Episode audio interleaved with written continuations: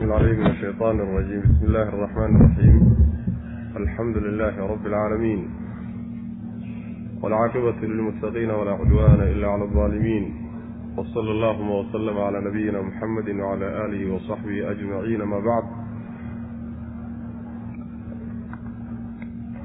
waxaan ku soo dhex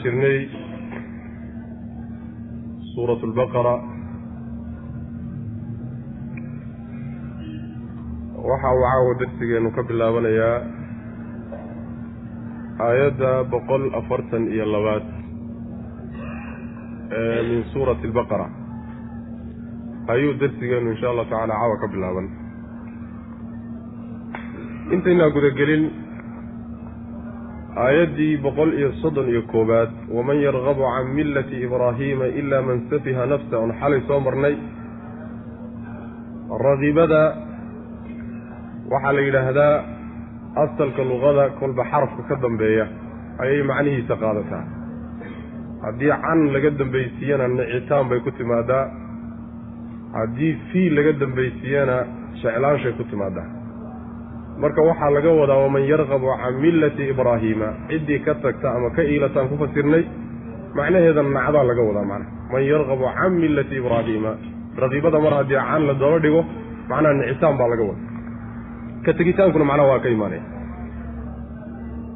sayaquulu sufahaau min annaasi maa wallaahum can qiblatihim alatii kaanuu calayha. Qul lilaahi almashriqu waalmagribu yahdi man yashaau ilaa siraatin mustaqiim. Halkan waxaa laga gudagelayaa qiblada muslimiintu ay leeyihiin ee kacbada ah een xalay ku soo marnay inay tahay dhismihii iyo aasaartii nebiyullaahi ibraahim uu ka tegey. Xalay aan ku soo marnay. Middaa iyada ah ayaa maraaxishay soo martay darsigan caawa oo aada uga hadli doonaa markii hore muslimiinta meesha qiblada u ahayd iyo dib dambe in macnaha waxa weeyaan la wareejiyey oo la beddelay arrinkaasaa aada loogu taagtaagsan doonaa iyo mowqifka ay ka taagan yihiin nimankan ahlulkitaabka yahuud iyo nasaaradu ay ka taagan yihiin arrimahaasaa aada looga hadli doonaa insha allahu tacaala. Sayaquulu waxay odhan doonaan assufahaau wax magaradku waxay odhan doonaan. Wax magaradkii waxay odhan doonaan oo min annaasi dadka ka mid a waxay odhan doonaan maa wallaahum maxaa ka jeediyey ka leexiyey? Can qiblatihim muslimiinta maxaa ka leexiyey?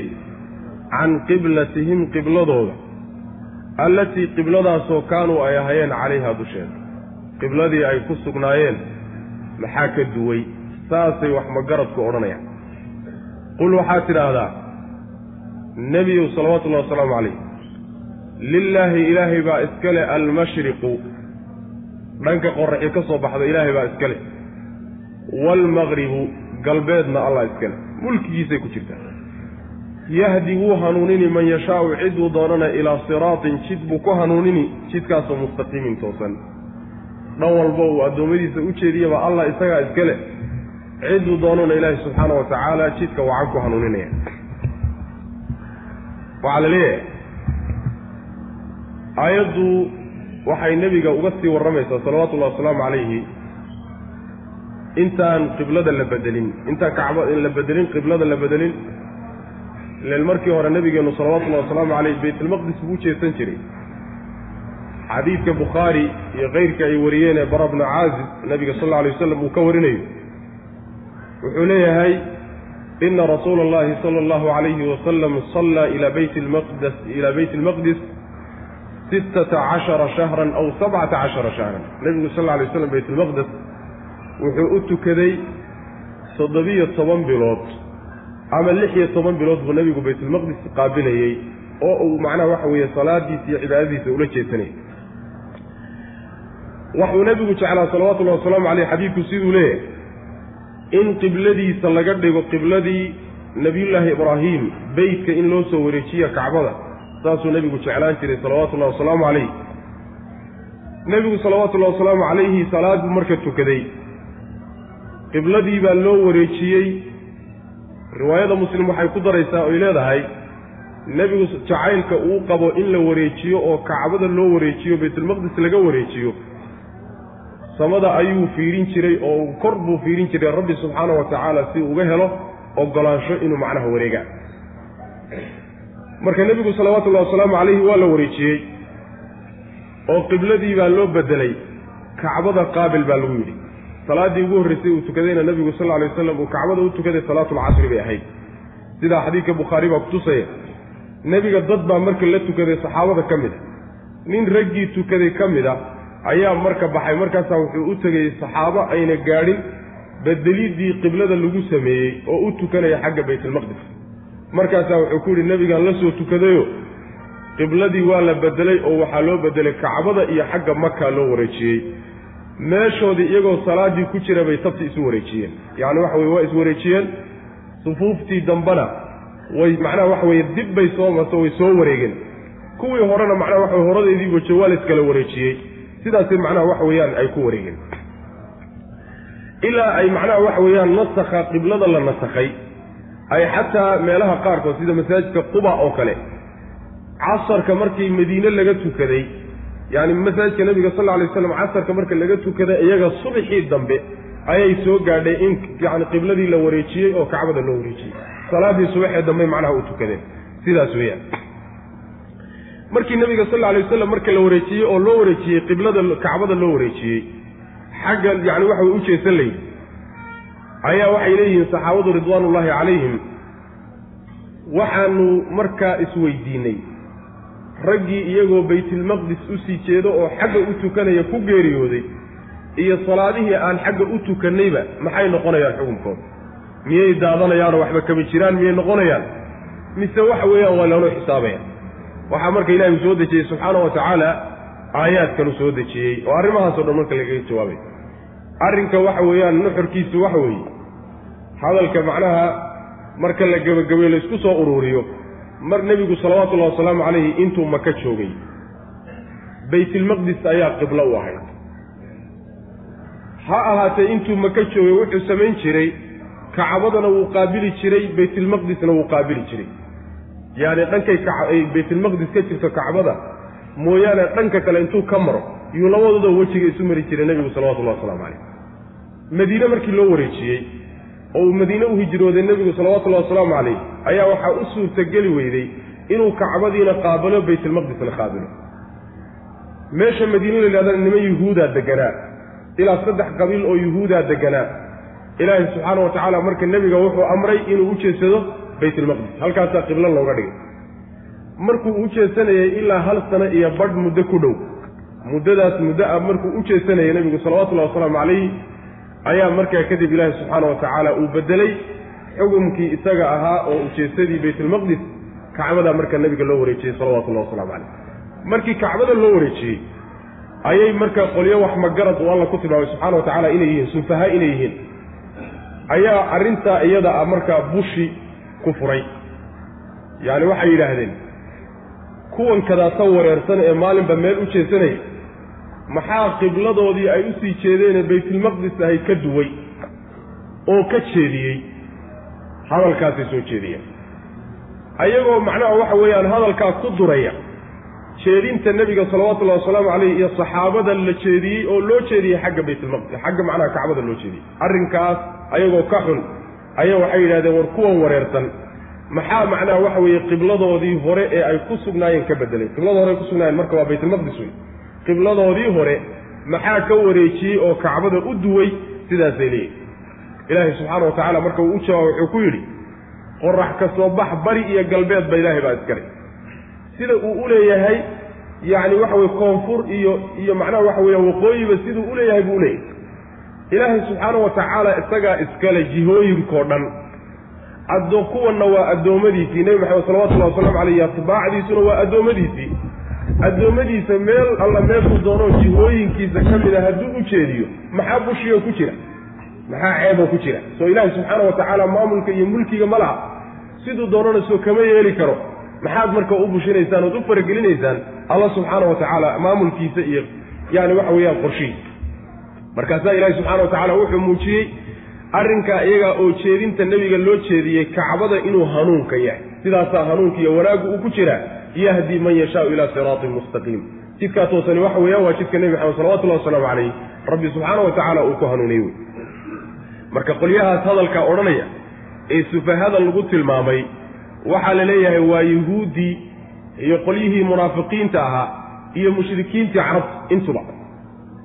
Yahuudi qibladoodii baa markii hore loola jeedsan jiray oo xagga baytalmaqdis ahayd markii laga jeedsaday yacni waa ka xumaadeen. Markii horena waa ku farceen jeesiga nebigu xagga uula jeedsaday munaafiqiintuna yaani arrintoodo dhan baa waxayba iska ahaydba inay macnaha wax ictiraadaan oo wax bushiyaan oo wax ay farageliyaan oo wax ka sheegaan un muslimiinta iyo ilaahi subxaana wa tacaala waxyiga u dejinay. Caadadba saasaaba caadi wax. Nimankii mushrikiintii carbeedna ayaguna wuxuu bushigoodu ahaa markii ilaahi subxaana wa tacaala nebiga uu u jeediyey xagga baytilmaqdis ayaa waxay yidhahdeen war kan fiiriya awowgii qibladiisii intuu ka tegey oo kacbadii iyo maka uu ka tegey ayuu baytilmaqdis abbaaray bay ma ujeeda halkaasay iyaguna ka bushiyeen. Kulligood isku doo duuduube raddigoodu waxa weeyaan ilaahi subxana wa tacaala uu ku radiyey. Rabbi qiblooyinka iyo jihooyinka isagaa iska wada leh kuwanna isagay adooy addoommo u yihiin dhankuu u jeediyaba waa inay ujeedsadaan macana war ka badan iska daaye. Sayaquulu marka waxa weeye nebiga salawatullahi wasalaamu calayhi waa loo sii warramaya intaynan odhanin baa loo sii sheegaya sii sheegiddaa loo sii sheegaya lele sayaquulu way odhan doonaan la leeyahay intayna macnaha kacbada la bedelin baa yacni waxa weye aayaddu warramaysaa waxaa ku jirta faa'iidooyin fara badan.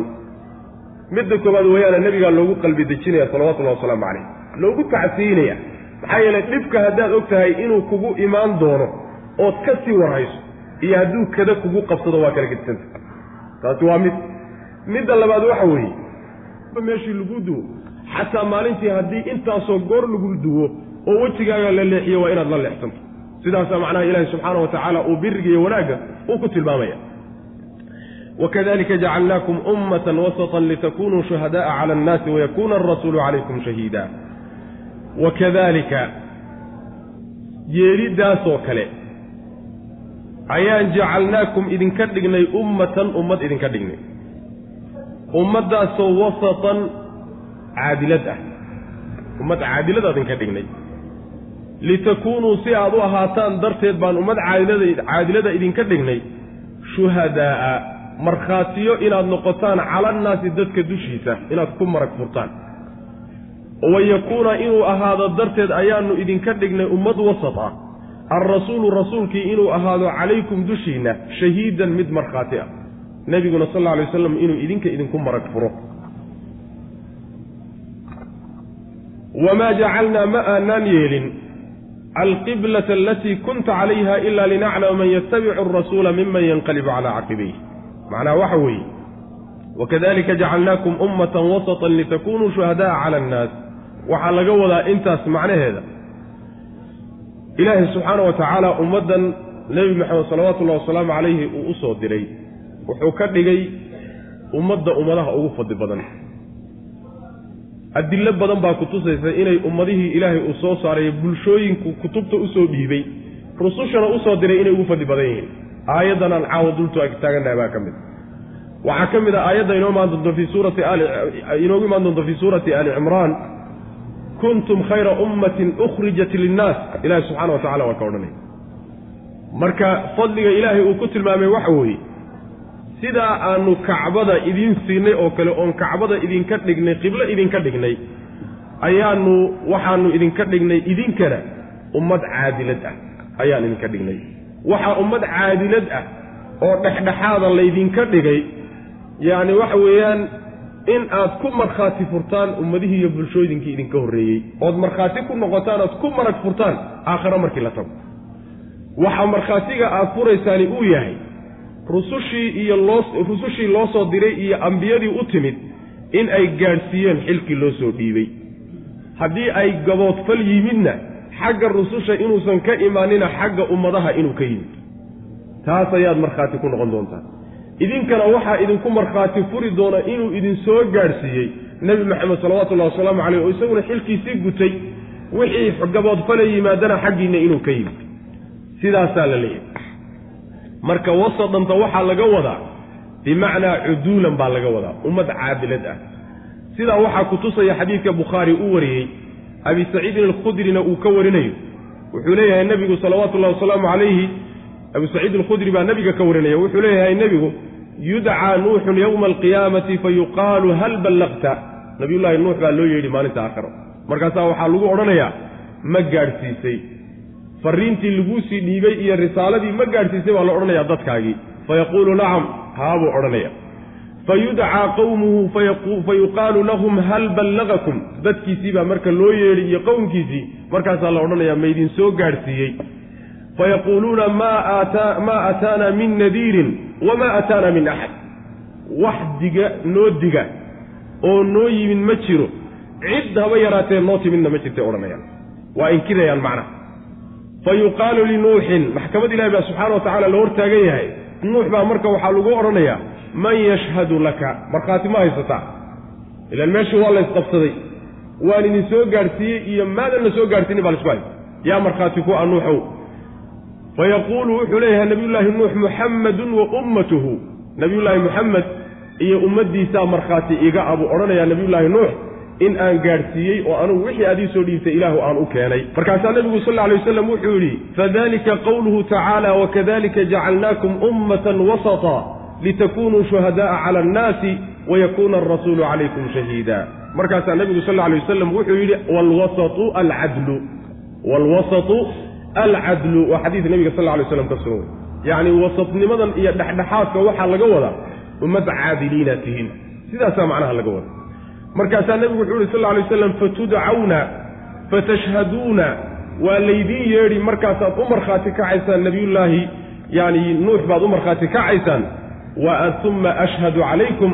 Anigaa markaa kadibna idinka idinku markhaati kici buu nebigu yuhi salawatullahi wasalaamu calayh. Xadiidku macnaha aayadda ayuu marka faahfaahinaya sidaas weeyaan. Aakhare marka la tago ummadaha kale ummaddana ilaahi subxaana wa tacaala markhaati uga dhigaya ku markhaati kacaysa oo yacni in la soo gaadhsiiyey wixii loo soo dhiibay saasay markhaati furayaan. Xaggay ka ogaadeen. Maxaa ogeysiyey iyaga laftooda ma goobjoog bay ahaayeen. Maya goobjoog maysan ahayne ilaahay baa subxaana wa tacaala u warramay. Nebiyullaahi nuux iyo ambiyadii ka dambaysoo dhan inay soo gaadhsiiyeen risaaladii loo soo dhiibay rabbi baa inoo warramay subxaana wa tacaala. Nebi maxamed baana lainoogu soo dhiibey yacni jibriil baa soo gudbiyey nebiyullaahi nuux nebigeenna ayuu u soo gudbiyey isagaa inoo soo gudbiyey silsiladaasi aadka u xooga badan ee wada umanada ah ayaan macnaha ku helay sidaa daraaddeed baan markhaatiga ku furayna macna wakadalika jacalnaakum ummatan wasata wakadalika yacni sidaasoo kale yeeliddaasoo kale kacbada aan ka dhignay qiblo aan idinka dhignay ama kacbada aan idinka dhignay meel dhexdhexaada aan ka dhignay ayaan jacalnaakum idinkana idinka dhignay ummatan ummad ummaddaasoo wasatan caadilada macna yacni ummad caadiladaan idinka dhignay litakuunuu si aad u ahaataan darteed shuhadaa'a kuwa markhaatiya ah cala annaasi dadka ku marag fura qiyaamada marka ta la taga wey. Wayakuuna alrasuulu rasuulkuna wayakuuna iyo inuu ahaado darteed alrasuulu rasuulkii waa maxamed salawatullahi wasalaamu calayh. Shahiidan mid markhaatiya calaykum dushiinna ku markhaati kaca inuu idin soo gaadhsiiyey oo xilkii uu gutay sidaasuu ka markhaati kacayaa nabigeenu salawatullahi wasalaamu calayh. Sidaas weyaan isaga cid uga markhaati ka ku markhaati kacda dushiisa uma baahan cid ku markhaati kacda dushiisa nebigeennu salawaatullahi wasalaamu calayhi isaga ayaa ummaddiisa ku markhaati kacaya. Sidaas weyan qolyo kale waxay leeyihiin calaykumta waxaa laga wadaa lakum baa laga wadaa. Wuu idiin markhaati furiyo asagaaba nebigu sal alla alay wasalam idiin doodi sidaasaa laga wadaa laakiin xadiidka ayaa fiican in la mariyo oo macnaha waxa weye inuu nebigu ummadda ku markhaati kacayo inuu gaadhsiiyey oo risaaladii loo soo dhiibay uu gutay. Sidaasaa macnaha wax wey fiican qolyo kale waxay leeyihiin oo macnaha mufasiriinta ka mid a yacni litakuunuu shuhadaa'a cala annaasi si aad dadka ugu markhaati furtaanta waxaa laga wadaa adduunkaba intaan la dhaafin. Oo waxay ku fasireen aayadda xadiid nebiga ka sugan sal alla alay wasalam oo bukhaari iyo keyrkii ay wariyeen oo nebigu salawatullahi wasalaamu caleyh maalin maalmaha ka mida isagoo saxaabada la jooga ayaa waxaa la soo mariyey meyd. Meyd la wadaa la soo waday la soo mariyey. Markaasay saxaabadu ammaaneen. Aad baa loo ammaanay khayr baa lagu sheegay markaasaa nebigu sal alla alay wasalam wuxuu yihi wajabat. Mid kalea la soo mariyey markaasaa waxaa xumaan baa lagu sheegay. Dadkii xumaan bay ku sheegeenoo yacni waxyaalo xunu uu samayn jiray baa la sheeg sheegay. Markaasaa nebigu wuxuu yihi salawatullahi wasalaamu calayhi wajabat. Nebiga waa la weydiiyey wajabat unbaa tiriye maxaad ula jeeday? baa layidhi midda hore buu nebigu yihi salawatullahi wasalaamu caleyh khayr baad ku sheegteen jannaana u waajibtay midda midka dambena xumaan baad ku sheegteen naar baa u waajibtay antum shuhadaau llahi fi lardi buu nebigu yuri sal alay waslam markhaatiyadii ilaahay ee dhulka joogay ayaa tihiin buu nebigu ku sheegay saxaabada ridwaanullahi calayhim macnahaana qolaa ku fasirayso macnaha waxaa laga wadaa ummadda carabkeeda ciddii ilaahay wanaag ugu faafiyo oo khayr un inay ka sheegaan oo wanaagga macnaha lagu sheego carabkiisa lagu faafiya waa dadka wan wanaagsan ee macnaha waxa weeyaan aan munxarifiinta ahayn faasiqiinta ahayn weeyaane kaas isaga a markhaati bay u tahay carabkaa wanaagsan iyo ammaantaa wanaagsan ee dadka dhexdiisa ilahay ugu fidiyey. Kii xumaan dadka dhexdiisa ay ugu fidana fiditaankaa xumaantu ay u fiday markhaati kac weeye naar inuu geli doono looga markhaati kacayo. Macnahana waxa weye culimmada qayb ka mida mufasiriinta ayaa ku fasiray. Marka shuhadadaasi aayaddu waxay daliil u tahay markhaati inaan la gelin karaynin cid aan macnaha aan caadil ahayn cid aan caadil ahayn inaan markhaati la gelin karin. Cidda markhaatiga gelaysa cid ku markhaati kacaysa waa inuu caadil yahay wasat waa inuu yahay oo ruux dhexdhexaad ah oo labada daraf ee ishaysa midna aan ka tirsanayn ama aan u janjeerin waa inuu yahay. Ruuxaasaa macnaha markhaati geli kara laakiin ruux labada dhinac mid midkood u janjeedhaayo yacni waxa weeyaan ama faasiqba ma uu noqon karo macnaha wma jacalna alqiblata alatii kunta calayha ila linaclama man yatabicu arasuula minman yanqalibu calaa caqibayhi waseediyadaa ummadda lagu sheegay yacni caqaa'ideeda iyo diinteeda iyo kitaabkeeda kulligii waa wasat markaad mabaadi'da kale u fiirisaan mabaadi'da kale markaad garab dhigtaan laba mabda oo midna daraf joogo midna daraf joogay mabda'ooda u dhexeeya xataa madhabka ahlusunna waljamaaca iyo firaqda khilaaftay markaad isgarab dhigtaan madaahibtooda iyo caqaa'idooda ahlusunna waljamaaca iyo salafka caqiidadoodii inay u dhaxaysa ad arkaysa qolo darafkaa istaagtay iyo qolo darafkaa istaagtay iyagaa dhexgelaya macna. Sidaasaa macnaha waxa weye wasadka ay noqon kartaa. Hal misaal haddaan soo qaadano masalan daatada nabiyullaahi ciisa nabiyullaahi ciisa daatadiisa yahuud iyo nasaaro waxay rumaysan yihiin bay u dhexeeyaan ummadda islaamka yahuudi waxay ka rumaysan tahay aad bay ugu gaboodfaleen oy ugu xadgudbeen nabiyullaahi ciisa waxay ku tilmaameen inuu waladu zinaya inuu garac yahay bay ku tilmaameen. Macaad allah nasaarana waa ku xadgudubto xaddul uluuhiya bay gaadhsiiyeen ilaahnimay gaadhsiiyeen ummaddanaa marka dhex degto waxay yidhaahdeen waladu zinana ma aha. Oo ilaahay subxaanahu wa tacaala addoon uu abuurtay weeye rasuulkii ilaahay weeye ilaahnimona ma gaadhsiisnay addoonnimuu ku aruursanya waa labadoodiiba udhexeeyaan sooma wahaakadaa faqif mas'ale kastoo soo qaadaaba laba daraf ama laba madhabood ama laba diinood bay udhexeeyaan iyo ka badan macna. Wasadkaas macnaha waxa weeyaan macnahaana yani waxa weeyaan waa keenayaa. Wamaa jacalnaa ma aanaan yeelin. Alqiblata qibladii ma aanaan yeelin. Allatii qibladaasoo kunta aad ahayd calayha dusheeda nebi maxamedow salawatullahi wasalaamu calayh. Ma aanaan yeelin qibladii aad ku sugnaydeed haysatay. Eed u jeedsan jirtay ma aanaan yeelin. Ilaa linaclama. Inaan ogaanno mooyaane.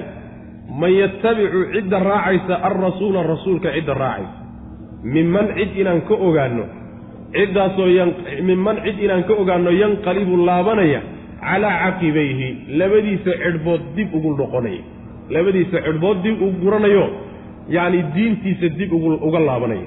Labadaa qolo inaan kala ogaanno mooye wax kale maanaan qibladaad ku sugnayd u yeelin. Wa in kaanat wainhu sha'ni kaanat waxay ahayd yacni wareejintaasi lagu wareejiyey waxay ahayd lakabiiratan mid aad u culus bay ahayd oo adag ilaa cala aladiina kuwii dushooda mooyaane hadda allaahu ilaahay uu hanuuniyey. Dadka aad bay ugu cuslayd oy ku adkayd inay qibladay barteen ka wareegaan oy tu cusub u wareegaan ilaa dadka ilaahay uu hanuuniyey mooyaane. Wamaa kaana allaahu allana ma ahaanin liyudiica. Mid dayacaya muusan ahaanin alla iimaanakum io salaadiinnii mu u dayacayo salaaddii aad baytilmaqdis u tukateen alla ma dayacayo subxaana wa tacala oo idinka hadlayn maayo. Inna allaaha alle binnaasi dadka la ra'uufun midkii u turid badan weeye raxiimun oo u naxariis badan weye rabbi subxaana wa tacaala. Intaa alla waa ka naxariis badan yahay addoommadiisu daaca ay la yimaadeen inuu ka dayaco. Macnaheedu waxa weeye qibladii iyada ahayd eed horay u haysatay oo baytulmaqdis ahayd. Horay aada ugu jeesan jirtay kunta calayha ma aanaan yeelin qiblada iyada ah ilaa inaan kala ogaanno cidda rasuulka raacaysa iyo cidda diintiisa ka laabanaysa. Labadaa inay kala caddaadaan mooyaane. Wax kale looma yeelin. Macnaa waa imtixaan. Imtixaan darteed baanu baytulmaqdis kuugu wareejinnay oo haddana intaanu kaa soo wareejinnay kacbada aan kuugu wareejinnay imtixaan dadkaannu imtixaanaynay si ay u kala caddaato u kala madhmaan oo u kala soocmaan qolada ilaahay subxaana wa tacaala rasuulkiisa raacaya meel walba loo jeediyaba ku dabagelaya oo amarkiisa qaadanaya iyo qolada diintooda ka laabanaya maadaama qiblada yaqaaneen la wareejiyey.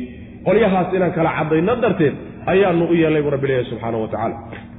Markaasaa allah subxaana wa tacala wuxuu tilmaamayaa arrintaa oo wareejinta qiblada la wareejiyey ah laga wareejiyey baytulmaqdis oo loo wareejiyey kacbada arrinkaasi inuu arrin aad u weyn oo aad dadka ugu culus inuu ahaa ilaa dadka ilaahay uu hanuuniyey oo quluubtooda uu macnaha waxa weeyaan iimaanka geliyey mooyaane. Dadka uu ilaahay quluubtooda hanuuniyey ayagu mar hadduu amar ilaahay iyo amar rasuul yahay way qaadanayaan. Waxaba yaraata ee istaag ah iyo wax ictiraad iyo bushi ah kama keenayaan ma shakinayaan. Laakiin qolada markii horeba hanuun uusan qalbigooda ku jirin ama dacful iimaan uu haystay ama munaafiqiin ahaa ama gaalaba ahaa qolyaha iyaga abaa diintooda kaga noqon oo ay ku cuslaanaysaa inay waxay barteen ay ka wareegaan macna. Markaasaa ilaahi subxaana wa tacaala wuxuu sheegay salaaddii loo tukaday baytulmaqdis intaan kacbada loo wareegin oo xadiidka aan ku soo sheegnay saxaabadu inay isweydiiyeen salaadaasi maxay noqon doontaa talow ma idiin jirtaa? Mise waa macnaha waxa weeyaan dabayshay raacday. Yacni waxa weye ilaahi subxaana wa tacaala wuxuu leeyahay rabbi salaadaad tukateen oo baytulmaqdis aad u tukateen inleen qiblo ilahay idin amray bay ahayd salaadana allah idin amray inaad xaggaa ula jeesataan. Taasi waxa weeyaan way idiin taallaa idinkama dayacna. Rabbina subxaana wa tacaala waa uga naxariis badan oo addoommadiisa waa uga nugul yahay. Camal ay la yimaadeenoo daaca aha inuu macnaha waxa weye dabaysha raaciyo oo ka dayaco rabbi waa uga naxariis badan yahay addoommadiisa marka sidaas weeyaan cilmiga marka meesha ilaa linaclama la leeyahay. Ilaahay subxaana wa tacaala ashyaadu intaysan dhicin buu ogyahay. Ashyaadu intaysan dhicin ayuu ogyahay intuusan qibladaba la wareejinin. Ayaa wuxuu ogaa cidda diintiisa ka laaban doonta oo kacbadaa la wareejiyey darteed diinta uga noqon doona iyo cidda nebiga raaci doonta ilaahay qalbigiisa uu hanuuniyey. Ee arrinkaasu culaysba uusan ku haynin. Horay buu u ogaa rabbi subxaana wa tacaala intuusan arrinkuba dhicin. Muxuu u leeyahay marka ilaa linaclama maxaa loo leeyahy ilaa linaclamadaasi waa cilmi khaasa la yidhahdaa cilmigii ogaanshaha ahaa ma aha waa cilmi ka khaasan ama waxaa la odhanayaa waa cilmu duhuur cilmiga la yidhaahdo mufasiriintu u badan yihiin. Yacni inuu ilaahay muujiyo oo khalqigu ay ogaadaan oo la arko saasuu doonaya. Labadan qolo qoladan hadhay iyo qoladan taata nebiga raacday in la wada arko. Oo cilmigu rabbi subxaana wa tacaala cilmigoodiiyo ogaanshahoodu uusan rabbi ku gooni noqonin cilmiga la doonaya waa cilmiga noocaasee khaaska. Ama waxaa la odhanayaa cilman yataratabu calayhi athawaabu waaljaza cilmi uu ka dhalanayo oo uu ka ratimayo abaalmarin ay ka dhalanayso. Waana cilmiga yacni samaynta shayga markaad samayso. Ogaanshaha la ogaadaa cilmigaa weeye midka abaalmarintu ay ka ratimayso wey laakiin shayga intaadan weliba samaynin ogaanshaha la og yahay wax sawaaba kama ratimayo ama cilmi noocaas iska dha way isku macno dhow yihiin macnaha. Sidaasaa macnaha laga wadaa ee rabbi subxaana wa tacaala inuu markii hore uusan aqoonin gadaal dambena uu doonayay inuu cilmi siyaasado wax u kordhaan. Macnahaasi lagama wada macnaha sidaas weeyaan. Wamaa jacalna alqiblata alatii kunta calayha. Kunta calayhaada. Laba tafsiir baa ku jira. In la yidhaahdo kuntada sideeda lagu wado. Oo la yidhaahdo qibladii horay aada ugu sugnayd. Oo baytulmaqdis ah. Ma aanaan yeelin oo ma aanaan ku amrin oo ma aanaan kuu jidaynin. Ilaa inaan labadan qolo kala madhno mooyaane. Waa kow iyo in la yidhaahdo qibladan waxaa laga wadaa kacbada laga wado nebiga loo soo wareejiyey ee dambaysay. Kuntada marka waxay noqonaysaa bimacnaa anta bay noqonaysaa. Hadda middaad ku sugantahay wamaa jacalnaa ma aanaan yeelin alqiblata qibladii allatii middaasoo kunta ay anta adigu calayhaa aad ku dul sugan tahay hadda oo kacbada ma aanaan yeelinoo kumaanaan soo wareejinin ilaa inaan labadaa qolo kala madhno mooyaane.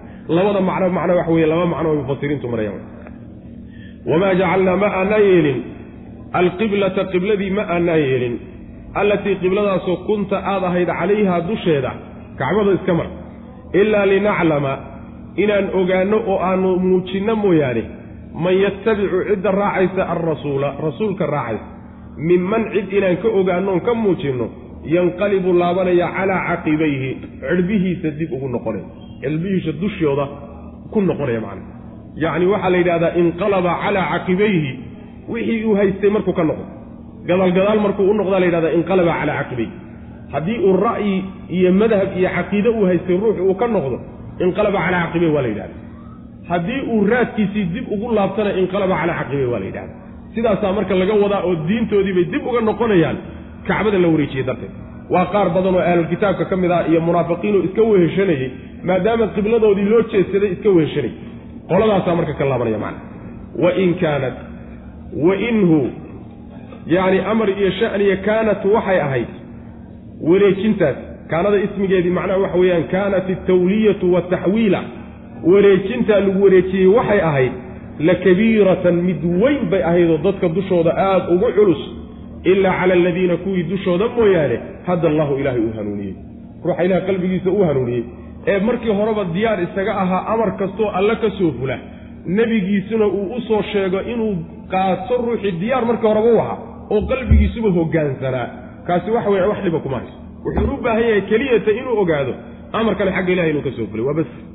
Dhib kuma hayso. Markaba waa fulinaya ninka laakiin qalbigiisa aan la hanuuninin oo dadka intoodii kale ah qoladaa waa ku culustoo waxay caadaysteen oo ay barteen war ka wareega. Waxa weeye arrinkaasi waa ku culus iimaan ku qasbana meeshii ma yaal.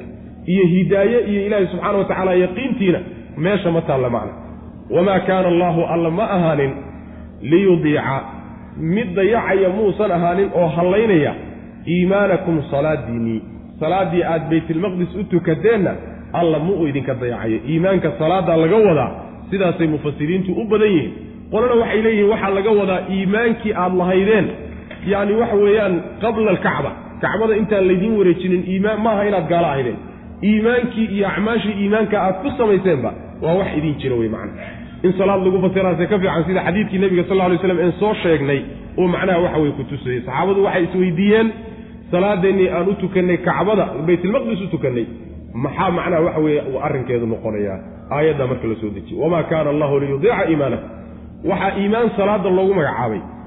Acmaasha iimaan waa la yidhahdaa. Acmaasha iimaan waa la yidhaahdaa. Shaygu isagoo camaliya oo aad samaynayso haddana iimaan waa la yidhahdaa sida nebigu sal alay wasalam uu yidhi yacni waxa weeyaan iimaanku wuxuu ka koobmaa dhowr iyo toddobaatan shucbo ama dhowr iyo lixdan shucbo ayuu ka koob qaybood buu ka koobay. Sidaa markuu yidhi buu nebigu wuxuu ku daray salawatullahi wasalaamu calayhi imaadatu aladaa qashinka oo laga fogeeyo jidka laga fogeeyo dadku ay marayaan iimaankiibuu ka mid yahy waana camal sooma waa camal macnaha waxa weye shay muctaqad ama aha oo la rumaynayo laakiin waa camal la qabanayo. Marka waxa weeyaan iimaanku wuxuu ka kooban yahay camal camal la qabto waa iimaan. Qalbiga in la geliyana waa qaybta labaad. Carabka in lagaga dhawaaqana waa qaybta saddexaad. Madhabu ahlisunna waljamaca sidaas weeye oo qalbiga keliyata wax ku sugan iimaan ma noqdo. Yacni carabkii uusan ku dhawaaqin xubnihiina ayna fulinin macna. Sidaasay macnaha kutusaysaa liyudiica iimaanakum acmaashoo iimaan lagu magacaabo.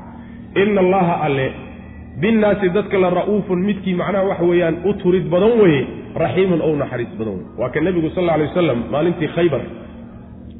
Sabiga markii la soo qabsaday qafaalkii la keenay. Iyo wuxuu arkay islaan ilmaheedii intuu ka lumay oo macnaha waxa weeyaan dadkii sabigee la soo qafaashay dhexdooda ku wareegaysa oo kolba ilmo yar markay aragto intay kor u qaaddo yacni waxa weeyaan shafka saarto ay naaska afka u gelinayso markaasaa nebigu sal alay waslam wuxuu yidhi ma u malaynaysaan middaasi ilmaheeda inay dab burayo ku tuuri lahayd. Maya baa layidhi sidaa ilmaheeda u raadinaysa. Wuxuu nebigu yuri sal alay wasalam naxariista ay ilmaheeda u hayso islaantaasi waxaa ka badan oo ka weyn naxariistuu allah subxaana wa tacaala addoommadiisa u hayo saas wey lallahu arxamu bihadihi lallahu arxamu bicibaadihi min hadihi biwaladiha saasuu nabigu sal lay waslam uu yihi ow kama qaal qad naraa taqaluba wajhika fi اsamaai falanuwaliyannaka qiblata tardaaha fawalli wajhaka shatra almasjidi alxaraam qad naraa xaqiiqe ee waan aragnaa taqaluba wajhika wejigaaga gadgadoonkiisaan aragnaa fi samaa'i samada dhexeeda uu ku gadgadoomayo ama ila samaa'i samada xaggeeda uu gadgadoomayo falanuwalliyannaka waanu ku jeedin oo waanu ku jeedin. Qiblatan qiblo ayaanu kuu jeedin. Qibladaasoo tardaaha aada raalli ku tahay. Qiblo aada doonayso jeceshahay ood ku degaysaanu kuu jeedin. Ee fawalli jeedi wajhaka wejigaaga waxaad u jeedisaa nebigow shatra almasjidi masaajidka dhankiisa u jeedi iyo xaggiisa masjidkii alxaraami ee xurmada lahaa. Wa xaysumaa kuntum meel walbood joogtaanba dhinacay dooniba ha noqotee fawalluu jeediya muslimiintiiow wujuuhakum wejiyaalkiinna waxaad u jeedisaan shatrahu masaajidkaa xurmada le dhankiisa u jeediya. Wa ina aladiina kuwa uutuu la siiyey alkitaaba qoladii kitaabka la siiyey ee yuhuud iyo nasaaro ahaydi layaclamuuna waxay og yihiin annahu yacni jeedintaasi wareeggaasi iyo jeedsigaas aad jeesanaysaani alxaqu xaq inuu yahay oo min rabbihim xagga rabbigooda ka yimid. Wama allaahu allana ma ahaanin bikaafilin mid halmaansan camaa yacmaluuna waxay samaynayaan alla ma mooga subxaanahu wa tacaala. Macnaheedu waxa weeye aayaddan wuxuu leeyahay qurtubi yacni waxay leeyihiin buu leeyahay culimmada wuxuu ka soo guurinayaa aayaddani xagga soo degitaanka waxay ka horraysay buu leeyahay aayaddii aan ku bilownay dersiga sayaquulu sufahaau min annaasi xagga soo degitaankiisa tanaa ka horraysay saasuu macnaha culimmada ka soo guurinaya. Marka waxay aayadda ilaahi subxaana wa tacaala uu ku tilmaamayaa nebiga salawaatu ullahi wasalaamu calayhi xaaladdii uu madiine joogay ee xadiidkana aan ku soo sheegnay xadiidkii bukhaari intuu madiine joogay nebigu aad wuxuu u jeclaa in kacbada qiblo looga dhigo oo baytilmaqdis laga jeediyo. Saasuu jeclaan jiray nebigu salawatullahi wasalaamu calayh sidaa daraaddeed buu kolba kor u jeedsan kolba kor fiirinaya oo xagga rabbi subxaanahu wa tacaala uu fiirinaya oo uu ku noqnoqonayaa wejigiisu xagga samada uu ku noqnoqonaya. Ilaahay subxaana wa tacaala bal inuu ogolaansho xaggiisa uga yimaado oo loo bedelo yacni qiblada loo bedelo kacbada loogu bedelo.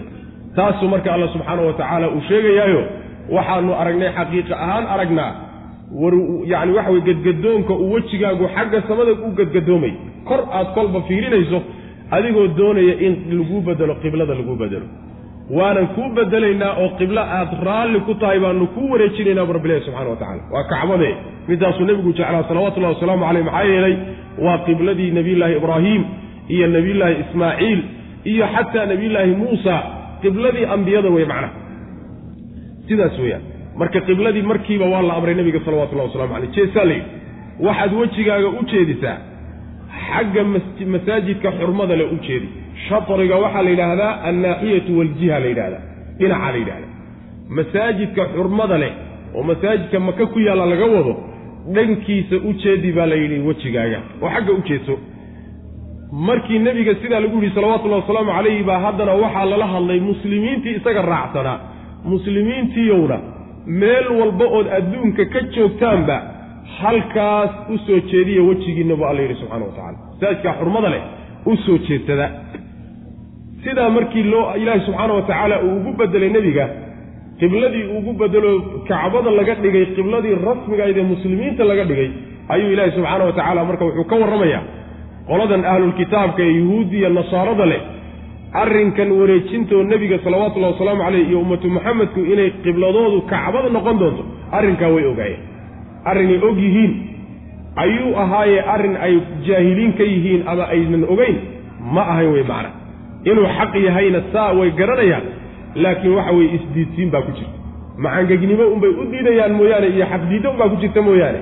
Way garanayaan wareejintan laydin wareejiyey inay xaq tahay ama kitaabtoodiibay ku taallaa ama rusushoodiibay ka soo gaadheen ama waxay hayeenba mas'alo mabda'iyan ah oo macnaha waxa weeye in shareecadooda la nasikhi doono oo nebi maxamed salawatullahi wasalaamu caleyh sharcigu la imaan doono uu nasikhi doono waxaana ka mida sharciyada la nasikhi doono qibladoodaa ka mida macna yacni waxa weye intaa mid kamida way ka ogaan karaan macna qad naraa waanu aragnaa waxa uu leeyahay ibnu cabbaas naskigii ugu horreeyey xugum sharciya oo la nasakho. Nasikha waa inagii soo marnay. Maa nansakh min aayatin aw nunsiha na'ti bikhayrin minha. Sharci ilaahay soo dejiyey xugumuu soo dejiyo haddana uu bedelaa la yidhahda xugum sharciya oo la soo dejiyey oo haddana la bedelay mid kalena dadka loogu bedelay waxaa ugu horraysay buli ibnu cabbaas wareejinta kacbada la bedelay wareejinta kacbada waxaan u jeedaa qiblada la wareejiyey ee baytulmaqdis laga wareejiyey kacbada loo wareejiyey xugum sharciya oo naski ku dhaco bedel ku dhaco. Kaasaa ugu horreeyey bule ibnu cabbaas radia allahu canhu qad naraa waanu aragnaa nebiyow taqalluba wajhika. Wejigaaga gadgadoonkiisa ayaan aragnaa xaqiiqe. Fi samaa'i samada dhexdeeda uu ku gadgadoomayo macnaha ila samaa xagga samada uu gadgadoomayo kolba uu dib ugu noqonayo macnaha waxa weeyaan indhihiisaa laga wadaa indhuhu kolba kor ugu celinaya samada iyo kor buu dib ugu fiirinaya isagoo raje ka qaba nabigu salawatullahi wasalaamu calayhi in loo bedelo qiblada loo bedelo. Falanuwalliyannaka waanu ku jeedin buu rabbi leeyahay. Qiblatan qiblo ayaanu kuu jeedin qibladaasoo tardaahaa aada raalli ku tahay. Qiblo aad doonaysood jeceshahay ayaanu kuu jeedin. Ee fawalli jeedi wajhaka wejigaaga waxaad u jeedisaa nebiyow shatra almasjidi masaajidka dhankiisa u jeedi masaajidkii alxaraami ee xurmada lahaa. Masaajidka xurmada le waa midka kacbadu ku dhex taallo wey. Xagga kacbada macnaha u jeedsa wey. Meeshaa waxaa la leeyahay waa marka macnaha waxa weeye masaajidka aad ka baxsan tahay. Markaad masaajidka ka baxsan tahay uusan kacbadu aysan kuu muuqanin. Ruuxa kacbadu u muuqato waxaa laysku waafaqsan yahay inuu kacbada wejigiisa qaabiliyo in laga doonay. Sidaas wey waa inuu wejiga ku beego kacbada ku beego. Ruuxu haddii uusan joogin oo kacbadii aysan u muuqaninna dhankeeda ayuu markaa u jeesanayaayo fawalli wajhaka shatra almasjid alxaraami dhankiisa unbaa layidhi maxaa yeele markaa waxaa adkaanaysa in markaa aad wejigaagii la hesho oo si fiican aad u qaabiliso kacbada waa shibu mustaxiil wey inaad garab marto inaad ku toosto intaba waa iska suurtagal. Mar haddaad ka maqan tahay marka dhankeeda un isaga jeeso sidaa daraaddeed baa xadiidka nebigu ku asaxay maa bayna almashriqi waalmaqribi qibla qorax ka soo bax iyo qorax udhac inta udhaxaysa ay qiblo wey qiblo weeyaan macnaha macnaha waxa weeyaan dadka waxay u tahay ama waqooyiga ka jira ama koonfurta ka jira. Qolyaha kaleeto waxaa iyagana qiblo u noqonaysa yacni maa bayna aljunuubi washimaal taasaa u noqonaysa macnaha yacni koonfur iyo waqooyi inta udhaxaysa iyagana qiblo u noqonaysa qolada ama galbeed ka degan kacbada ama ka degan macnaha qorax ka soo bax ka degan adiga waxa weeyaan labadaa jiho inta udhaxaysaba yani jihadii qaabila la yidhi unbay marka noqonaysa xadiidka nabigaa sidaa ku asaxay salawatullahi wasalaamu calayh fawalli jeedi wajhaka wejigaaga waxaad u jeedisaa shatra almasjidi masaajidka dhankiisii u masaajidkii alxaraami ee xurmada laha waxaytumaa kuntum meel kastoo joogtaanba fawalluu jeediya wujuuhakum wejiyaalkiina shatrahu dhankiisa u jeediye masaajidka dhankiisa u jeediye wa ina aladiina kuwa uutuu la siiyey alkitaaba kitaabka la siiyey ee yuhuudiya nasaara ah layaclamuuna waxay og yihiin annahu ay taxawulu ilaa jihati alkacba annahu damiirka halkaasu u noqonaya hadalka horaa laga fahmaya annahu wareeggaa la wareegay ee kacbada loo wareegayey alxaqu xaq inuu yahay oo min rabbihim xagga rabbigood ka ahaatay bay og yihiin wama allaahu ee way istiisiinayaan wama allaahu allana ma ahaanin bihaafilin mid halmaansan camaa yacmaluuna waxay samaynayaan ma hore waxaa keliya loo ogol yahay oo kacbada yacni waxa weeye ka jeesan karoo meel kale inuu qaabilo loo ogolyayo salaadiisa la qaabilo ruuxa masalan socotada ah ee macnaha safarta ah. Salaad sunno ana tukanaya qiblada meel aanay kolba meeshii gaadiidka uu saaran yahay uu la qaabilo inuu u jeedsadaa loo ogolyahay axaadiista nabigay sidaa ku asaxday. Waxaa kaloo loo ogolyahay xaalatu lmusaayafa goorta seefaha iyo gacanta laysla gaadho. Dagaalka macnaha waxa weye jihaadka marka lagu jiro oo ciidamadu isku milmaan oo ay ku suurtageli weydo inaad jihadii aad qaabishood jeedsato dhan alla dhankii macnaha waxa weye dagaalkuu kula aadaba yacni wax way u tukan wey marka iyada waxaa iyadana laga soo reebayaa ruuxu markuu jihadiiba garan waayo waxoogaa intuu wareero. Ma u jeedaa uu jihadii garan waayo jihooyinkii isaga darmadaan intuu dadaalo ijtihaado dhankii markaa melihiisa u bato buu isaga jeesan. Dhankaasu u tukanaya haddii markaa kadib ay u caddaato oo ay soo baxdo inuusan jihadii u tukanin iyo kacbadii dhankeeda u tukanin salaadiisu waa saxiix insha allahu tacala qolyahaasaa marka laga soo reebaya laakiin inta kaleetoo dhan macnaha waxa weyaan xaalaadka kaleo dhan waa in macnaha la qaabilo kacbadooda. Wlain atayta aladiina uutuu lkitaaba bikulli aayatin ma tabicuu qiblataka wamaa anta bitaabicin qiblatahum wamaa bacduhum bitaabicin qiblata bacdin. Halkan ilahi subxaana wa tacala wuxuu ka sheegaya nimanka ahlul kitaabka ee aayadda hore ay soo sheegtay in ay si dhab a u garanayaan inuu xukumkan lagugu soo dejiyey ee kacbada ujeedsigiisa uu xaq yahay. Qoladaa iyagaa wax kasta haddaad u keento inaysan waxba yeelaynin baa nabiga loo sheegay salawatullah waslamu caleyh walain atayta wallaahi lain atayta haddaad u keento alladiina kuwii haddaad u keento uutuu la siiyey alkitaaba kitaabka la siiyey haddaad ula timaado bikulli aayatin aayad walba iyo calaamad kasta haddaad ula timaado. Maa tabicuu ma ay raacayaan qiblataka qibladaada kugu raaci maayaan. Dhanka lagu jeliyey kacbada inay kula qaabilaan marnaba ha ka sugin. Wamaa anta adiguna ma tihid bitaabicin mid raacaya. Qiblatahum qibladooda mid raacaya ma tihid. Dhanka iyagu ujeedsadana adna u jeedsan maydid maxaa yeelay ilaahay amarkiisa inaad fulisaa lagugu yaqaanaa ma lagugu yaqaanay inaad ahwaadooda raacdo adigana sidaasaa caado ku ah. Wamaa bacduhum qaarkoodna maynan ahaanin ahlulkitaabka bitaabicin mid raacaya qiblata bacdin qaarka kale qibladiisa ayaga laftooduna waxba isuma ogola. Oo yahuuddu qibladooda baytilmaqdisa nasaara ku waafaqi mayso.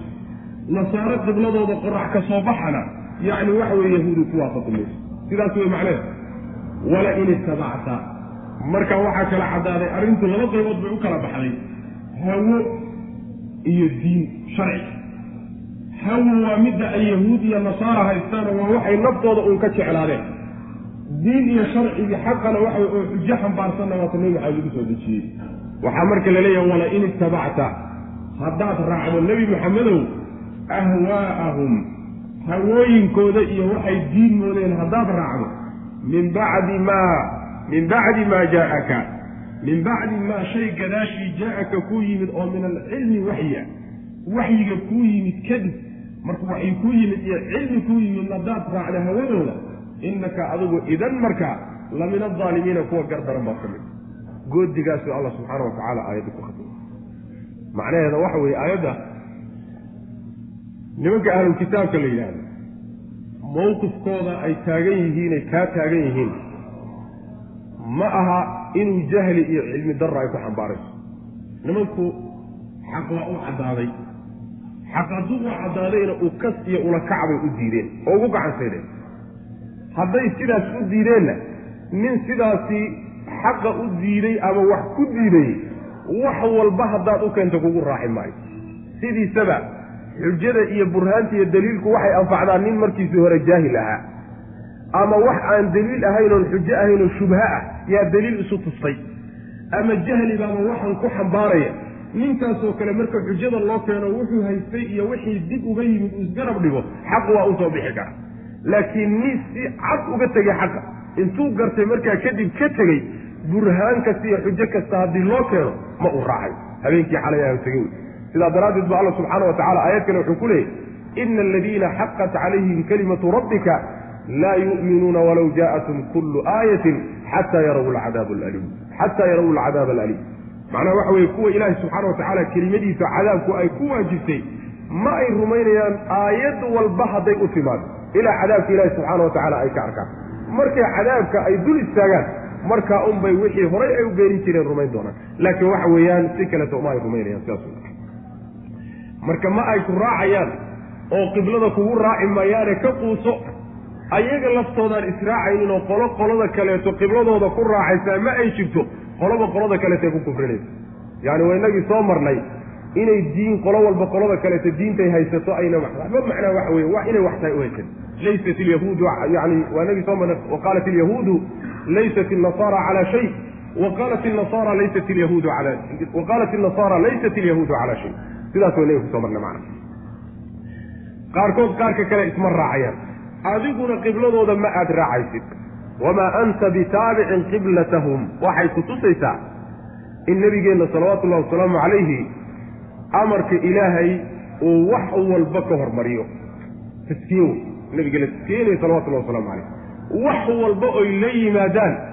Adiguna inaad hawadoodiiyo waxooda raacdahay waa waxaan marna suurtagal ahay taasi waa suurtagal. Waxaa kaloo suurtagala in laga wado wamaa anta bitaabicin qiblatahum khabar bimacna nahya ma u jeedaa yani waxa weeyaan khabar bimacna nahyo oo laga wado nabiga laleeyahy salawatullahi wasalaamu caleyh adiguna qibladooda ha raacin. Sidaas in laga wadana waa suurtagal. Sidaa macnaha waxa weeyaan mufasiriinta qayb ka mid a maraysa hawadooda marka ciddii raacdaay nebigaa sal alay slam hadalka lagu halqabsanaya loo jeedinaya ummadduna ujeeddadu weeye. Waxaa la leeyahay haddaad hawadoodiiyo waxa ay diinta moodeen aad ku raacdo tii lagugu soo dejiyeyna aad ka tagto cilmigii iyo waxyigaas lagugu soo dejiyey haddaad ka tagto. Daalim baa tahay baa lagu leey nebiga salawatullahi wasalaamu calayh. Daalim baa tahay. Hadalka waa lagu halqabsanayaa nebige shardi baana laga dhigay shardiguna inuu yimaado waxba ma ah macnaha waxa wey shardiga haddii la yidhahdo macnaha waxa wey wala in itabacta kama dhalanayso inuu nebigu raaci doono salawatullahi wasalaamu calayh. Inuu dhacana waa suurtagal shardigu inuu fuli waayana waa suurtagal. Tanna qaطcan inayna fulaynin ilaahay subxaana wa tacala nusuus kaleu ku muujiyey oo aayaddan yani inoo soo waxaaba kutusaysaba wamaa anta bitaabicin qiblatahum. In marka ummaddan loo jeedaa haddaad hawadooda iyo waxaa diinta ay ka dhigteen aad raacdaan oo tii nebi maxamed lagu soo dejiyo aad ka tagtaan markaa daalimiin baa tihiin ilaahay subxaana wa tacaala xadhigiisa ka furtay. Walain atayta haddii aad la timaado aladiina kuwii haddaad ula timaado uutuu la siiyey alkitaaba kitaabka la siiyey bikulli aayatin mucjizo kasta iyo aayad kasta haddaad ula timaado maa tabicuu ma raacayaan qiblataka qibladaada ma raacayaan. Wamaa anta adiguna ma tihid bitaabicin mid raacaya qiblatahum qibladooda mid raacayo ma tihid wamaa bacdun qaarkoodna bitaabicin mid raacaya ma aha qiblata bacdin qaarka kale iyo qolada kale macnaha waxa weye qibladooda ma raacayo wala in itabacta haddaad raacdo ahwaa'ahum hawooyinkooda waxa ay diinta moodeenee diinta u ah haddaad raacdo min bacdi maa jaa'aka ka ku yimid kadib oo min alcilmi ah shayga ku yimid ee cilmiga iyo waxyiga ah.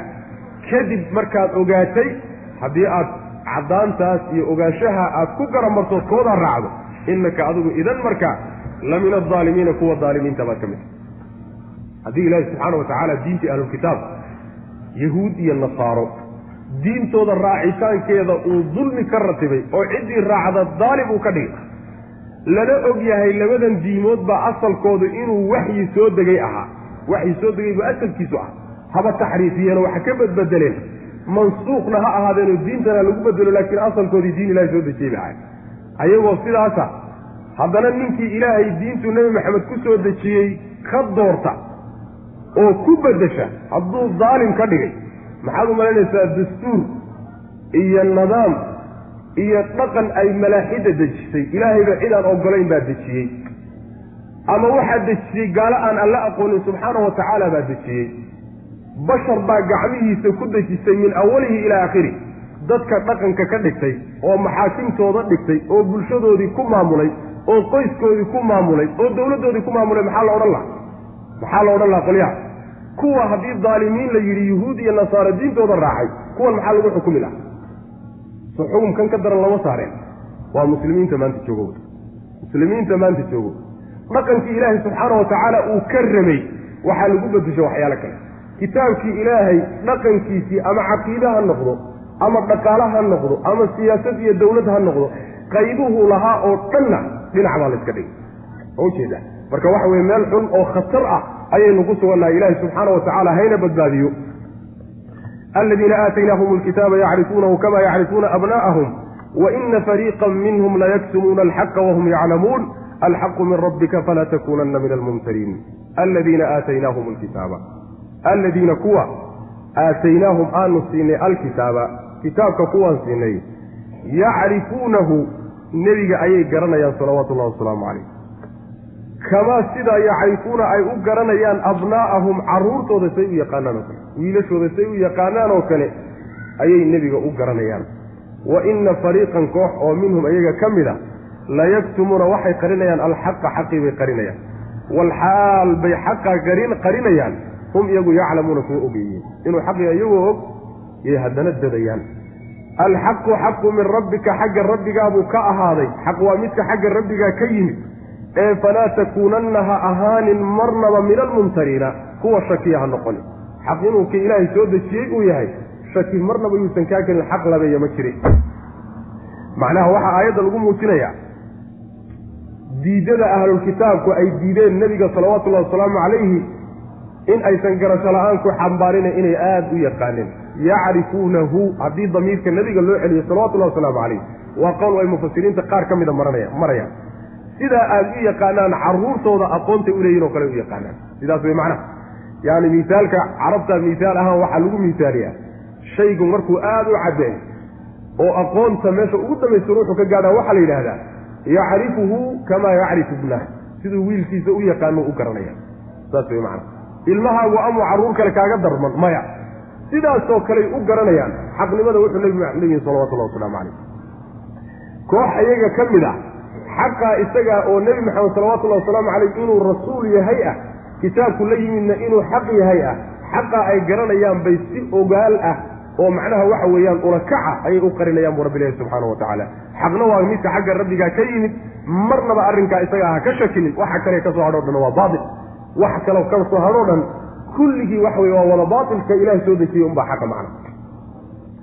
Aladiina aataynaahum lkitaab waxaa la leeyahay cabdullaahi ibnu salaam saxaabigii la odhan jiray oo ka mid ahaa culimadii ahlulkitaabka yahuudi bu ahaa asalkiisii wuu islaamay. Ayaa waxaa la weydiiyey hal kunta tacrifu rasuula sal alay waslam kama kunta tacrifu ibnaka? lagu yii kamaa kunta tacrifu ibnaka? Ma u taqaanay nebiga oo ma u garanaysay sidaada caruurtaada u taqaanay. Markaasaa wuxuu ihi nacam wa aktar habu weliba ilmahayga aqoon aana ulahayn baan u aqaanay buui yaa nabiga sal alay waslam u lahaa mid ka badan ilmahayga midaan u lehay ayaan u lahaa buui maxaa yeelay buu ihi nazla alamiinu min asamaa ila alamiini fi lardi binactihi facaraftuhu buuri wa inii laa adrii ma kana min ummihi. Macnaha waxa weeyaan mid aamin oo lagu kalsoon yahay ayaa samada ka keenay buuri mid lagu kalsoon yahay oo dhulka jooguu soo gaadhsiiyey buuhi waa nabigeena salawatullahi wasalaamu calayh. Kii baana loo warramay aaminka ah ee dhulka loogu keenay sidaasaan ku ogaanay. Waa sanad isagoo dhan wada amiin ama ujeeda wax dacfi oo dhexdiisa ku jira ma laha. Laakiin ilmahan yarkee aan macnaha waxa weye dhalay buu yidhi. Hooyadii maxaad ogeysiiyey buuhi inay habeen habeenada ka mid a ay gogol dhaaftay? Ma ogin bu ma ujeeda waa laga yaabaa buui waa muxtamil ma ujeeda laakiin tantadaato wax ixtimaal geli kara maba aha buui sidaa daraaddeed aqoontaan nebi maxamed salawatullahi wasalaamu caleyh u lahaay iyo aqoontaan ilmahayga u lahaay midda horaaka macnaha waxa weeyaan ka sidata sidaasuu macnaha cabdullahi bnu salaam ku tilmaamay. Alladiina kuwa aataynaahum aan siinay alkitaaba kitaabka aanu siinay yacrifuunahu way garanayaan nebiga salawatullahi wasalaamu calayh kamaa yacrifuuna siday u garanayaan abnaahum carruurtooda damiirkaa yacrifuunahu ah nebiga in loo celiyaayey waa qowl mufasiriinta qaar ka mida ay marayaan waana qowl mashhuur ah. Qowlka kale in laga dhigo weeye yacrifuunahu ay taxwiila yacrifuuna taxwiila wareejintaa kacbada laydiin wareejinayo ee laga soo warramay ayay garanayaan kamaa yacrifuuna abnaahum siday carruurtooda u yaqaanaan. Inay xaq tahay bay garanayaan macnaha. Wa ina fariiqan koox oo minhum iyaga ka mid a layaktumuuna waxay qarinayaan alxaqa. Xaqa ayay qarinayaan. Xaqaasi waa nebinimada ama waa qaabilidda kacbada la qaabilo weye xaqa ayay qarinayaan walxaal hum iyagu yaclamuuna ay ogyihiin inuu xaq yahay. Fariiqaasi waynagii soo sheegnay inuu intooda badan yahay. Intooda badan weeyaane ma aha inay nis iyo nis yihiin. Inta yartee waxaa laga soo reebayaa nebi maxamed rumaysay salawatullahi wasalaamu calayh sida cabdullahi ibnu salaam iyo ragle. Alxaqu xaqu min rabbika xagga rabbigaabuu ka yimid. Xaq waa midka xagga rabbigaa ka yimide falaa takuunanna ha ahaanin min almumtariina kuwa shakisan ha ka mid noqonin. Marnaba yuusan shaki kaa gelin inuu xaqka xagga rabbi ka yimid subxana wa tacala wixii kale oo dhan ama macnaha waxa weye wax bashar dejistay ha noqdo oo dhaqan ka dhig ama midba macnaha waxa weeyaan diimo hore asal u aha oo la nasakhay ha noqdo kulligood waxa weeyaan xaq maa xaq waa ka ilaahi subxaana wa tacala uu soo dejiyey oo nebi maxamed ku soo dejiyey salawatullahi waslamu calayh wlikullin wijhatun huwa muwalliha fastabiquu lkhayraati aynama takunuu ya'ti bikum allahu jamiica. Ina allaha cala kulli shayin qadiir. Walikullin walikulli ummatin ummadka walikulli ahli diinin diin walba dadkeeda waxaa u sugnaaday. Wijhatun qiblo ayaa u sugnaaday. Qibladaasoo huwa kulligaasi. Muwalliihaa mid jeedinaya uu yahay mid u jeedinaya uu yahay wajha wejigiisa uu jeedinaya ee fastabiquu tartama oo u dhaqtama alkhayraati ila alkhayraati khayraadka u tartama oo macnaha inaad amarka fulisaan rabbi ah. Aynamaa takuunuu meel walbood joogtaanba ya'ti bikum waxaa idinla imaanaya allahu ilaahay baa idinla imaanoo idin keeni jamiican dhammaantiin xaalaatihin idinkoon mid idinka hadhin ayaa laydin soo xasilin oo laydin keenaya ina allaha alla calaa kulli shayin shay kasta qadiirun midkii awoodo wey maana aayaddu macnaha waxay leedahay qolo walba waxay leedahay jiho iyo dhinac iyo qiblo ay wejigooda u jeediyaan yahuudi qiblay leedahay nasaarana qiblay leedahay idinkuna qiblaad leedihi qolo walba qiblo ay wejigooda u jeediyaan ayay leedihin mar hadday sidaas tahay qibladiinna ilaahay idiin doortay waa kacbada weye haddaad ummaddii nebi maxamed tihiin salawatullahi wasalaamu calayh. Khayrka marka u dhabtamo oo amarka alle inaad fulisaan mahmaa uu ku idinku adag yahay taa iyadaa tartan u gala macna.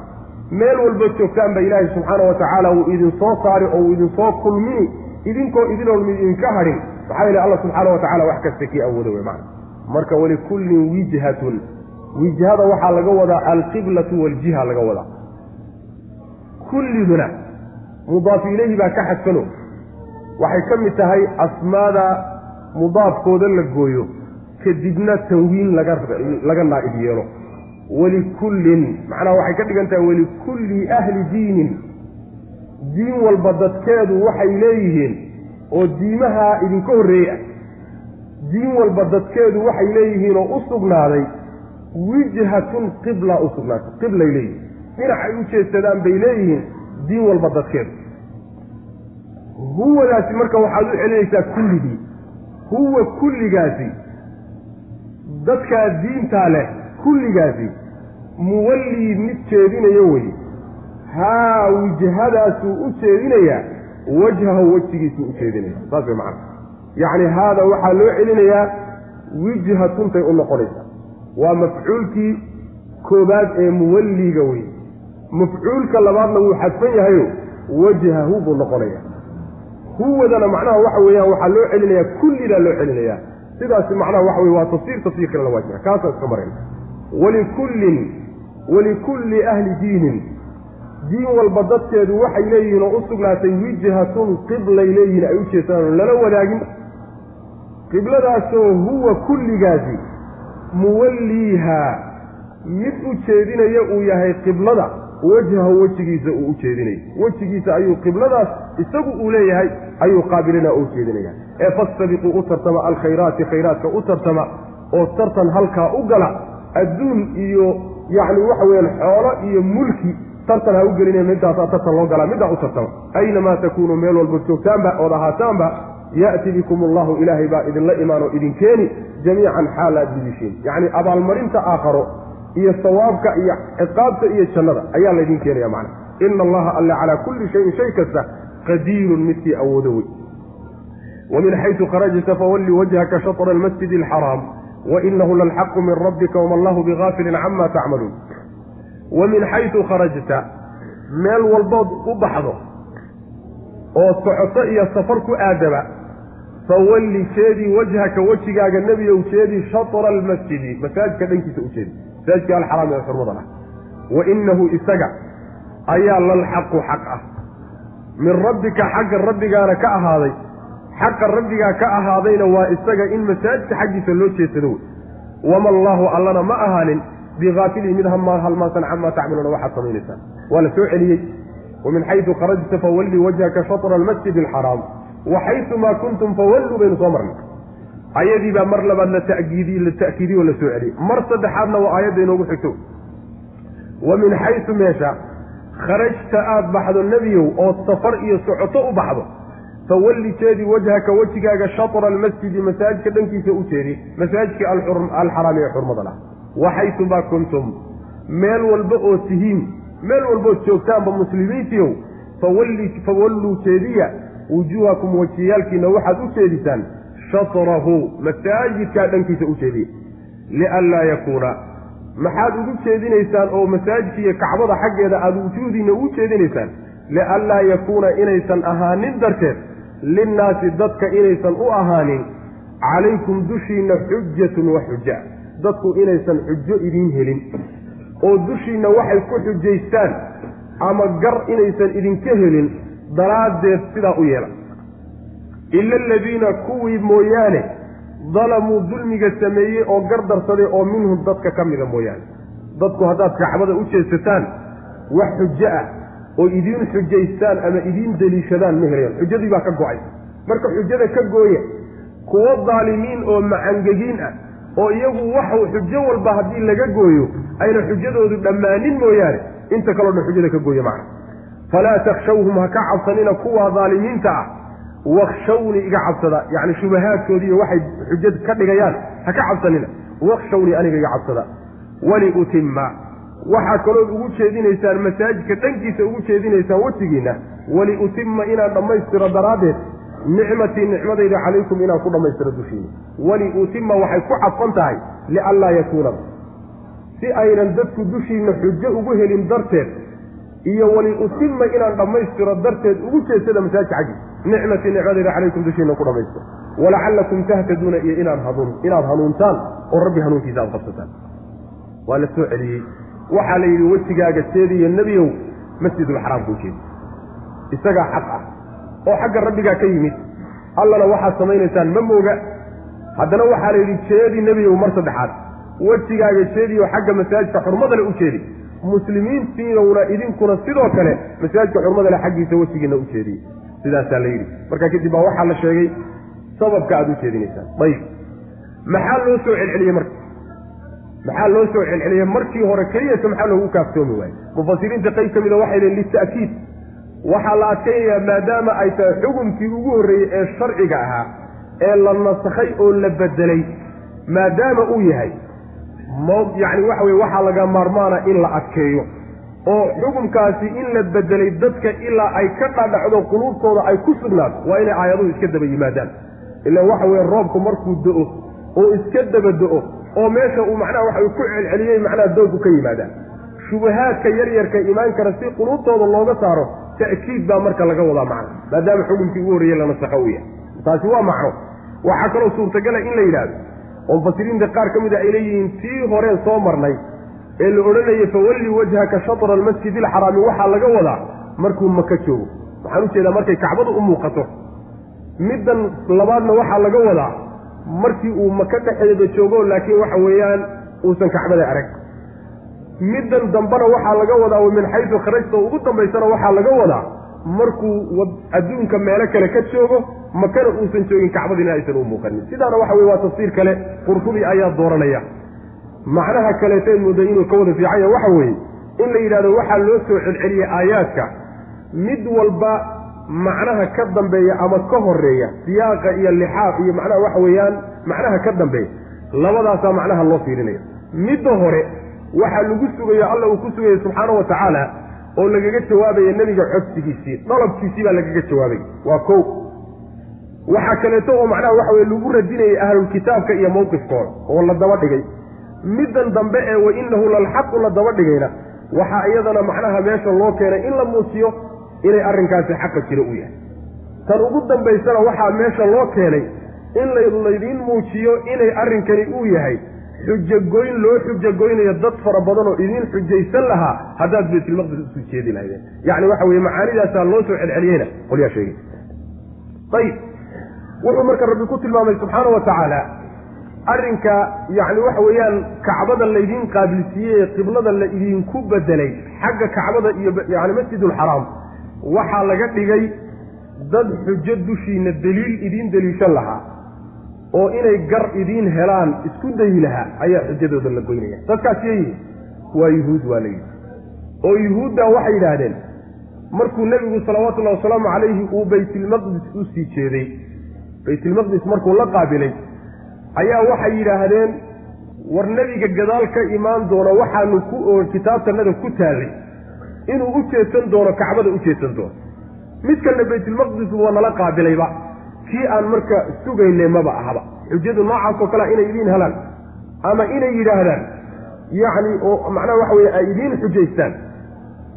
Waafaqidda aada waafaqdeen. Oo baytulmaqdis aada ku waafaqdeen. Oo markaa idin yidhaahdaan maadaama uu baytulmaqdis inugu waafaqay iyo qibladeenni diinteenna inta inta dambana waa inala waafaqi doonaa. Sidaa inayna idinku xujaysanin. Taasi waa ahlulkitaab oo xujadaa markii kacbada laydiin soo wareejiye way gu-i wax dambay xujaystaan oo sheegsheegaan ma qolyo iyagu waxaa jira xujadoodu aysan dhammaanin oo macaangegin la yidhaahdo. Si walba ayaga haddii xujajka loogu keeno ayagu waxay sheegsheegaan waayi maayaan diinihii aabbihii buu aaday iyo ma u jeedaa yacni waa wareersan yahay iyo kolba meel unbuu macnaha abbaarayaa madaxa ku dhufanayaa iyo waxay sheegsheegaan kuwaasi waayi maayaan daalimiin baa laga cabir ila aladiina dalamuu baa layidhi laakiin qolada kaleeto ee xujada macnaha waxa weye xujadoodu ay macquulka tahay kuwaasaa loo xujeed goynaya mana xujadooda in loo gooyo daraaddeed sidaas wey macana oo waxay macnaha odhan jireen nebigu sal alay wasalam ama waa mushrikiintii quraysheed. Quraysh xataa markii nebigu salawatullahi wasalaamu calayhi uu baytilmaqdis qaabilay kacbadana uu ka ilaahay uu ka jeediyey ayaa waxay yidhahdeen warkan firiya? Yahuud iyo macnaha yuhuud buu waafaqay. Nebiyullaahi ibraahim iyo qibladeenniina wuu ka tegey saasay yidhahdeen qoladaasina xujadaasay nebiga salawatullahi waslamu caleyh u xujaysteen. Labadoodaba marka in loo xujo gooyo ayaa ilaahay subxaana wa tacaala wuxuu leeyahay xujadaas si aad u goysaan ayuu ilaahay kacbada idinku wareejiyey. Saas wey macana wa min xaysu meeshii kharajta aad baxdo waxaa laga wadaa haddii aad safar u baxdaan ood socoto aadaan oo deegaankiina aad ka tagtaan waa inaad soo qaabishaan kacbada waa inaad soo qaabishaan. Jihadaad joog meel alla meeshaa doontaan jooga. Waxaan nidhi waxaa laga soo reebayaa masaa'il dhowran horey u soo marnay. Wa min xaysu kharajta meel alla meeshaad u baxdaba fawalli jeedi wajhaka wejigaaga shatra almasjidi masaajidka dhankiisa u jeeda masaajidkii alxaraami ee xurmada lahaa. Waxaysumaa kuntum meel alla meeshaad wa inahu isagu ayaa lalxaqu xaq oo min rabbika xagga rabbiga ka yimid. Wama allaahu allana ma ahanin bikaafilin mid halmaasan camaa tacmaluuna waxaad samaynaysaan. Wa min xaysu meesha kharajtu aad kharajta aada baxdo fawalli jeedi wajhaka wejigaaga shatra almasjidi masaajidka dhankiisa u jeedi alxaraami ee xurmadan waxaysumaa kuntum meel alle meeshaad tihiinba muslimiintiiow fawalluu jeediya wujuhakum wejiyaalkiina shatrahu dhankiisa u jeediya lianlaa yakuuna si aysan u ahaanin darteed linnaasi dadka oo yahuud laga wado ama mushrikiinta carbeed laga wado dadku si uusan u helin calaykum dushiinna xujatun xujo saysan ugu ahaanin yacni dushiinna xujo iyo deliil iyo burhaan si aysan ugu helin ay dadka u sheeg sheegaan gar ay idinka gar helaan si ayna meesha u imaanin. Daraaddeed baa laydin wareejiyey. Ila aladiina kuwii mooyaane dalamuu dulmiga sameeyey oo minhum iyaga ka mid dadkaa ka mid. Oo kuwaas iyagu waxa weeye waa kuwa si walba haddii xujadooda loo gooyo meelo ay xagxagtaan aan waayin wey dad baan xujo qancinin oo kolkii meel laga soo xidhoba haddana macnfudho kale ka baxa. Ma ujeeda yacni laab kaleeta raadsada. Dad noocaasaa jira. Kuwa noocaasoo kale iyada xujadooda lagama soo afwareegi karo oo waxay sheeg sheegaan ma waayayo ma ujeeda af iyo carab. Yacni waxa weye hadal ma daynayo lagamana badin karayo laakiin xujada macquulka ah ee dad lagu khaldi karayo qolyaha wata qolyahaasaa xujadooda la goynaya aalimiinta laakiin waxa wey iyagu iska hadhadleen waa xujadoodu waa daaxido wey waa midaan waxba ka jirin oon cidna macnaa ku katoomi karin. Falaa takshawhum ha ka cabsanina. Wakshawnii iga cabsada.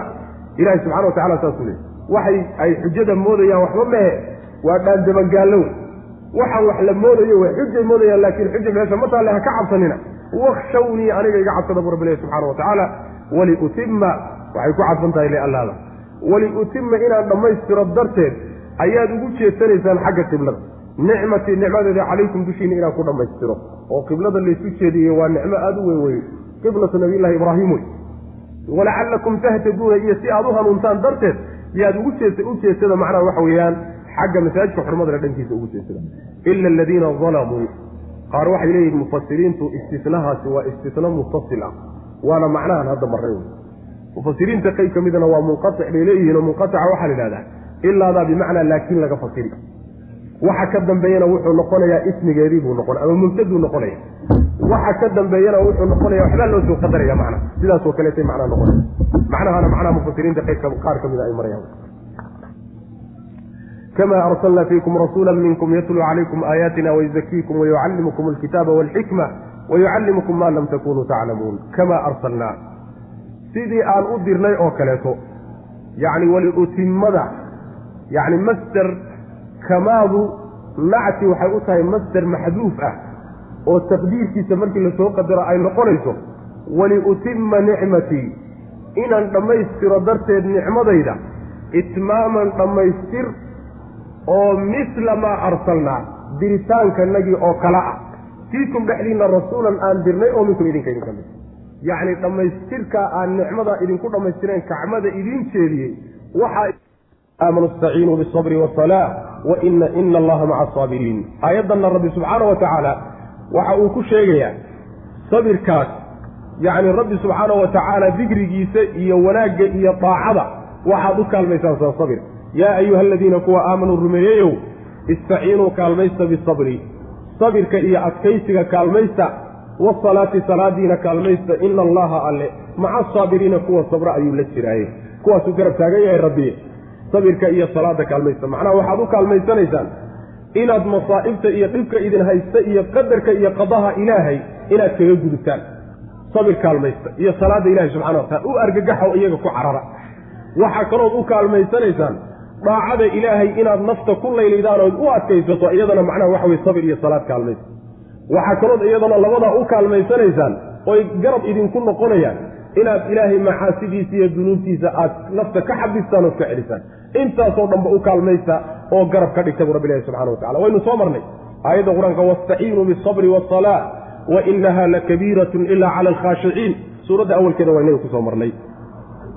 Yaa ayuha aladiina kuwa aamanuu rumeeyeyow istaciinuu kaalmaysta bisabri sabir kaalmaysta wasalaati salaad kaalmaysta ina allaha alle maca asaabiriina kuwa sabra ayuu la jiraa oo garab taagan yahay. Maciyadaasi waxa weye waa maciya khaasa la yidhahdaayo maciyatu ta'yiidi wanasri baa la yidhahdaa.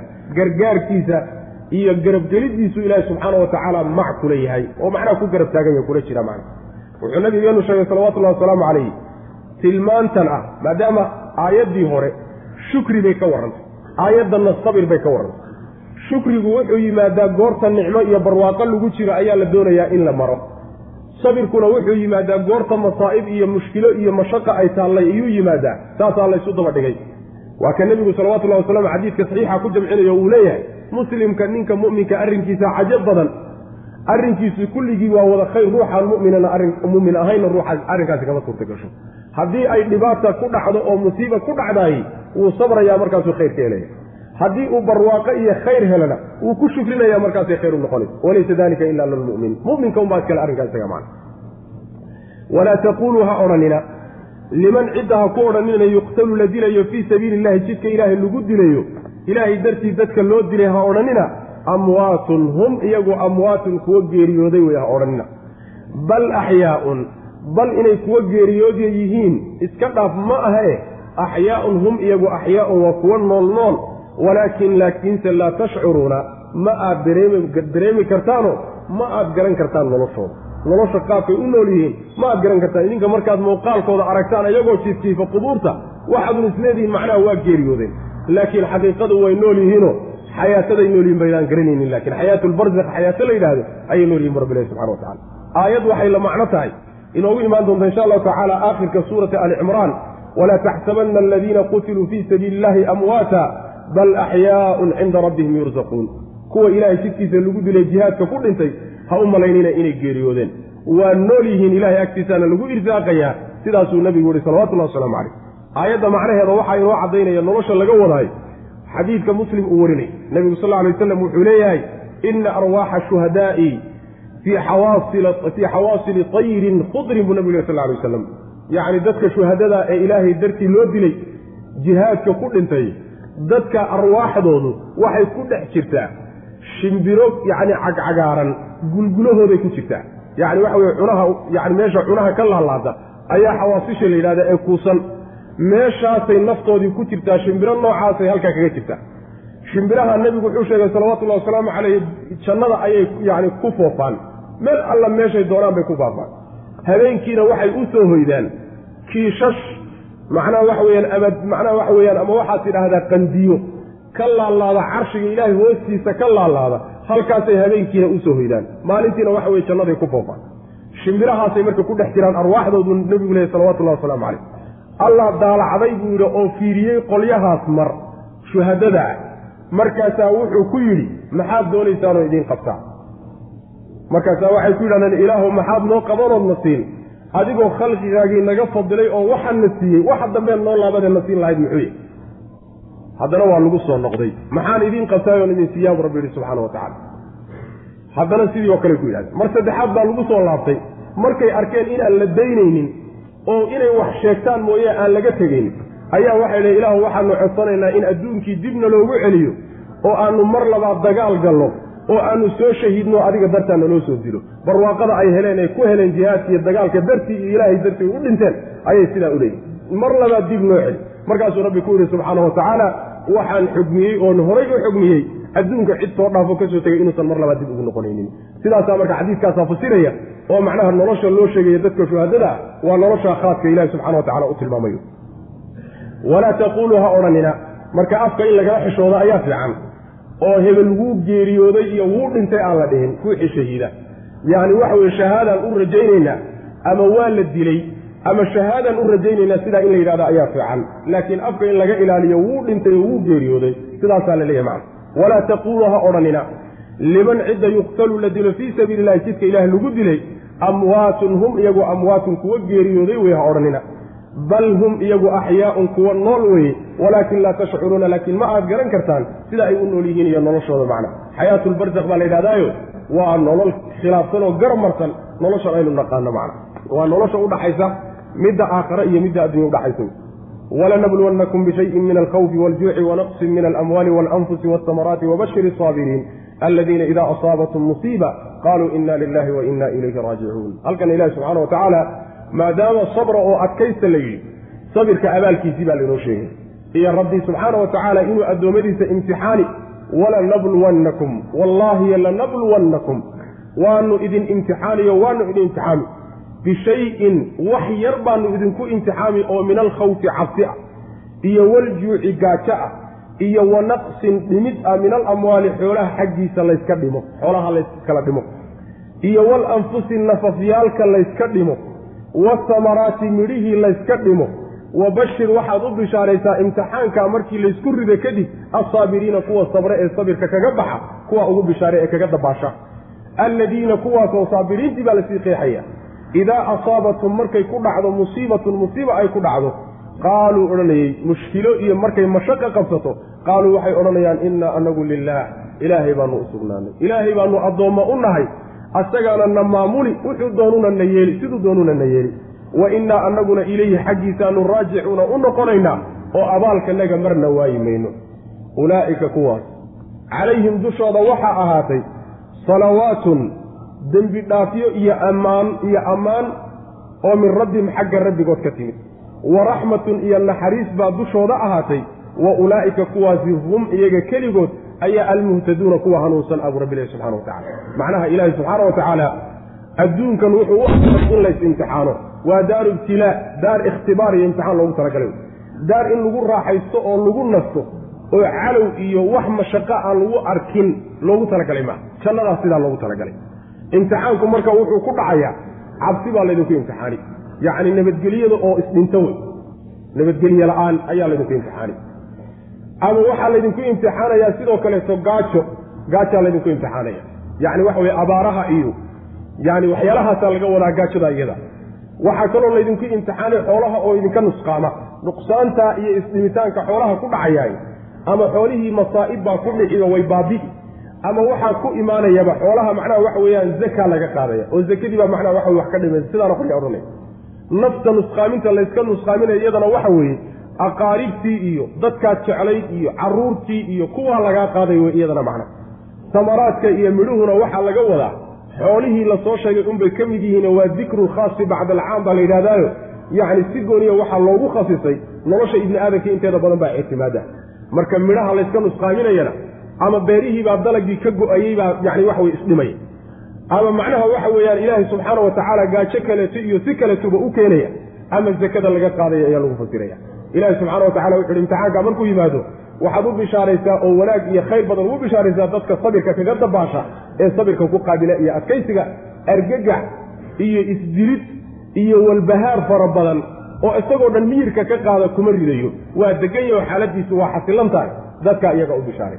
Dadkaasi waa kuwa markii loo bishaareeyo markay musiiba ku dhacdo waxay odhanayaan way tarjiicsanayaano inna lilaahi wa inna ilayhi raajicuun. Sidaasay odhanayaan macna maxay abaaloo ilaahay agtiisa ku leeyihiin saddex shay baa loo sheegay. Midda koowaad weeyaane ammaanta ilaahay iyo dembi dhaafkiisay leeyihiin oo salawaadka laga wado. Ta labaad weeyaane naxariista rabbi bay leeyihiin subxaana wa tacaala ta saddexaad weeyaane hanuun buu ilaahay uga markhaati kacay inay hanuunsan yihiin. Sidaas wey macna waxay leedahay ummu salama radi allahu canha nebiga salawaatu ullahi wasalaamu calayhi ayaa waxaan ka maqlay bay tihi isagoo leh ruuxii markay musiiba ku dhacdo yidhahda inna lilaahi wa inna ilayhi raajicuun. Allaahuma ajirnii fii musiibatii wakhluf lii khayran minha. Ilaahu musiibadayda ajri iga sii. Wax ka wanaagsanna ilaahu iigu bedel sidii ruuxii sidaa ku ducaystahay ilaahay subxaana wa tacala wax ka wanaagsan buu ugu bedelaa ajirna waa ka siiya rabbi subxana wa tacala nebiguna saale baan maqlay tii markaasaa waxay tidhi yani waxa weye abu salama oo ninkeedii ahaa baa ka geeriyooday. Markaasaa waxaan idhi bay tihi ducadaasaan ku ducaystay oo nebiga ka maqlay anigoo weliba naftayda ay ku jirto qalbigaygu uu ileeyahay ma abuu salamo cid ka khayr badan baaba jiro oo lagugu bedeli doono. Ayaa haddana idhi tihi bal iska dhay muddo markaan joogay oon ciddadii ka baxay ayaa nebigu sal alla alay wasalam yacni ayaa ii yimid oo ii doonaya. Markaasaan gogol u dhigay waan soo dhoweeyey.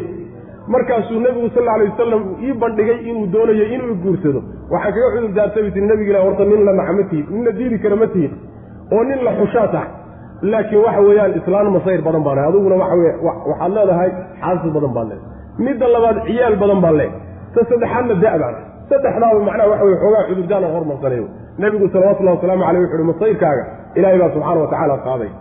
Carruurtaaduna waa carruurtaydii buu nebigu ku yihi salawatullahi wasalaamu caleyh sidaasuu nebigu ku guursaday. Markaasaa waxay leedahay waxaan ogaaday ilaahi subxaana wa tacaala abuu salama mid ka khayr badan inuu igu bedelay naftayda sheekadeeda inayan sheeke iska ahay oo nebi maxamed salawatullahi wasalaamu caleyh sidaas way macana marka ducadaasi aad bay u qiimo badan tahay masaa'ibtu markay kugu dhacdaa lagu ducayso walanabluwannakum wallaahi waanu idin imtixaani bishayin waxbaan wax yar baanu idinku imtixaani. Oo min alkhawfi cabsi ah iyo waljuuci gaajo ah wa naqsin.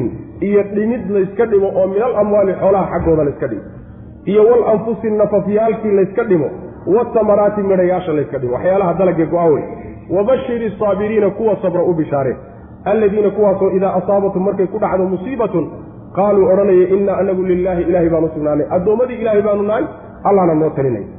Wa innaa anagu ilayhi xaggiisaanu raajicuuna u noqonayna ulaa'ika kuwaasi calayhim dushooda salawaatun salaado iyo macnaha salawaadka waxaa laga wadaa assanaa waalmaqfira laga wadaa dembi dhaaf iyo ammaan. Oo min rabbihim xagga rabbigooda ka ahaatay waraxmatun iyo naxariis wa ulaa'ika kuwaasi hum iyaga keligood ayaa almuhdaduuna kuwa hanuunsan yani cumar bin khataab radi allahu canhu miduu lahaa weeye nicmati alcidlaani wa nicmati alcalaawa cidlaanka waxaa la yidhahdaa ratiga marka la raro labada dhinacyaha ka saara calaawadana midda dhexda ka saaran.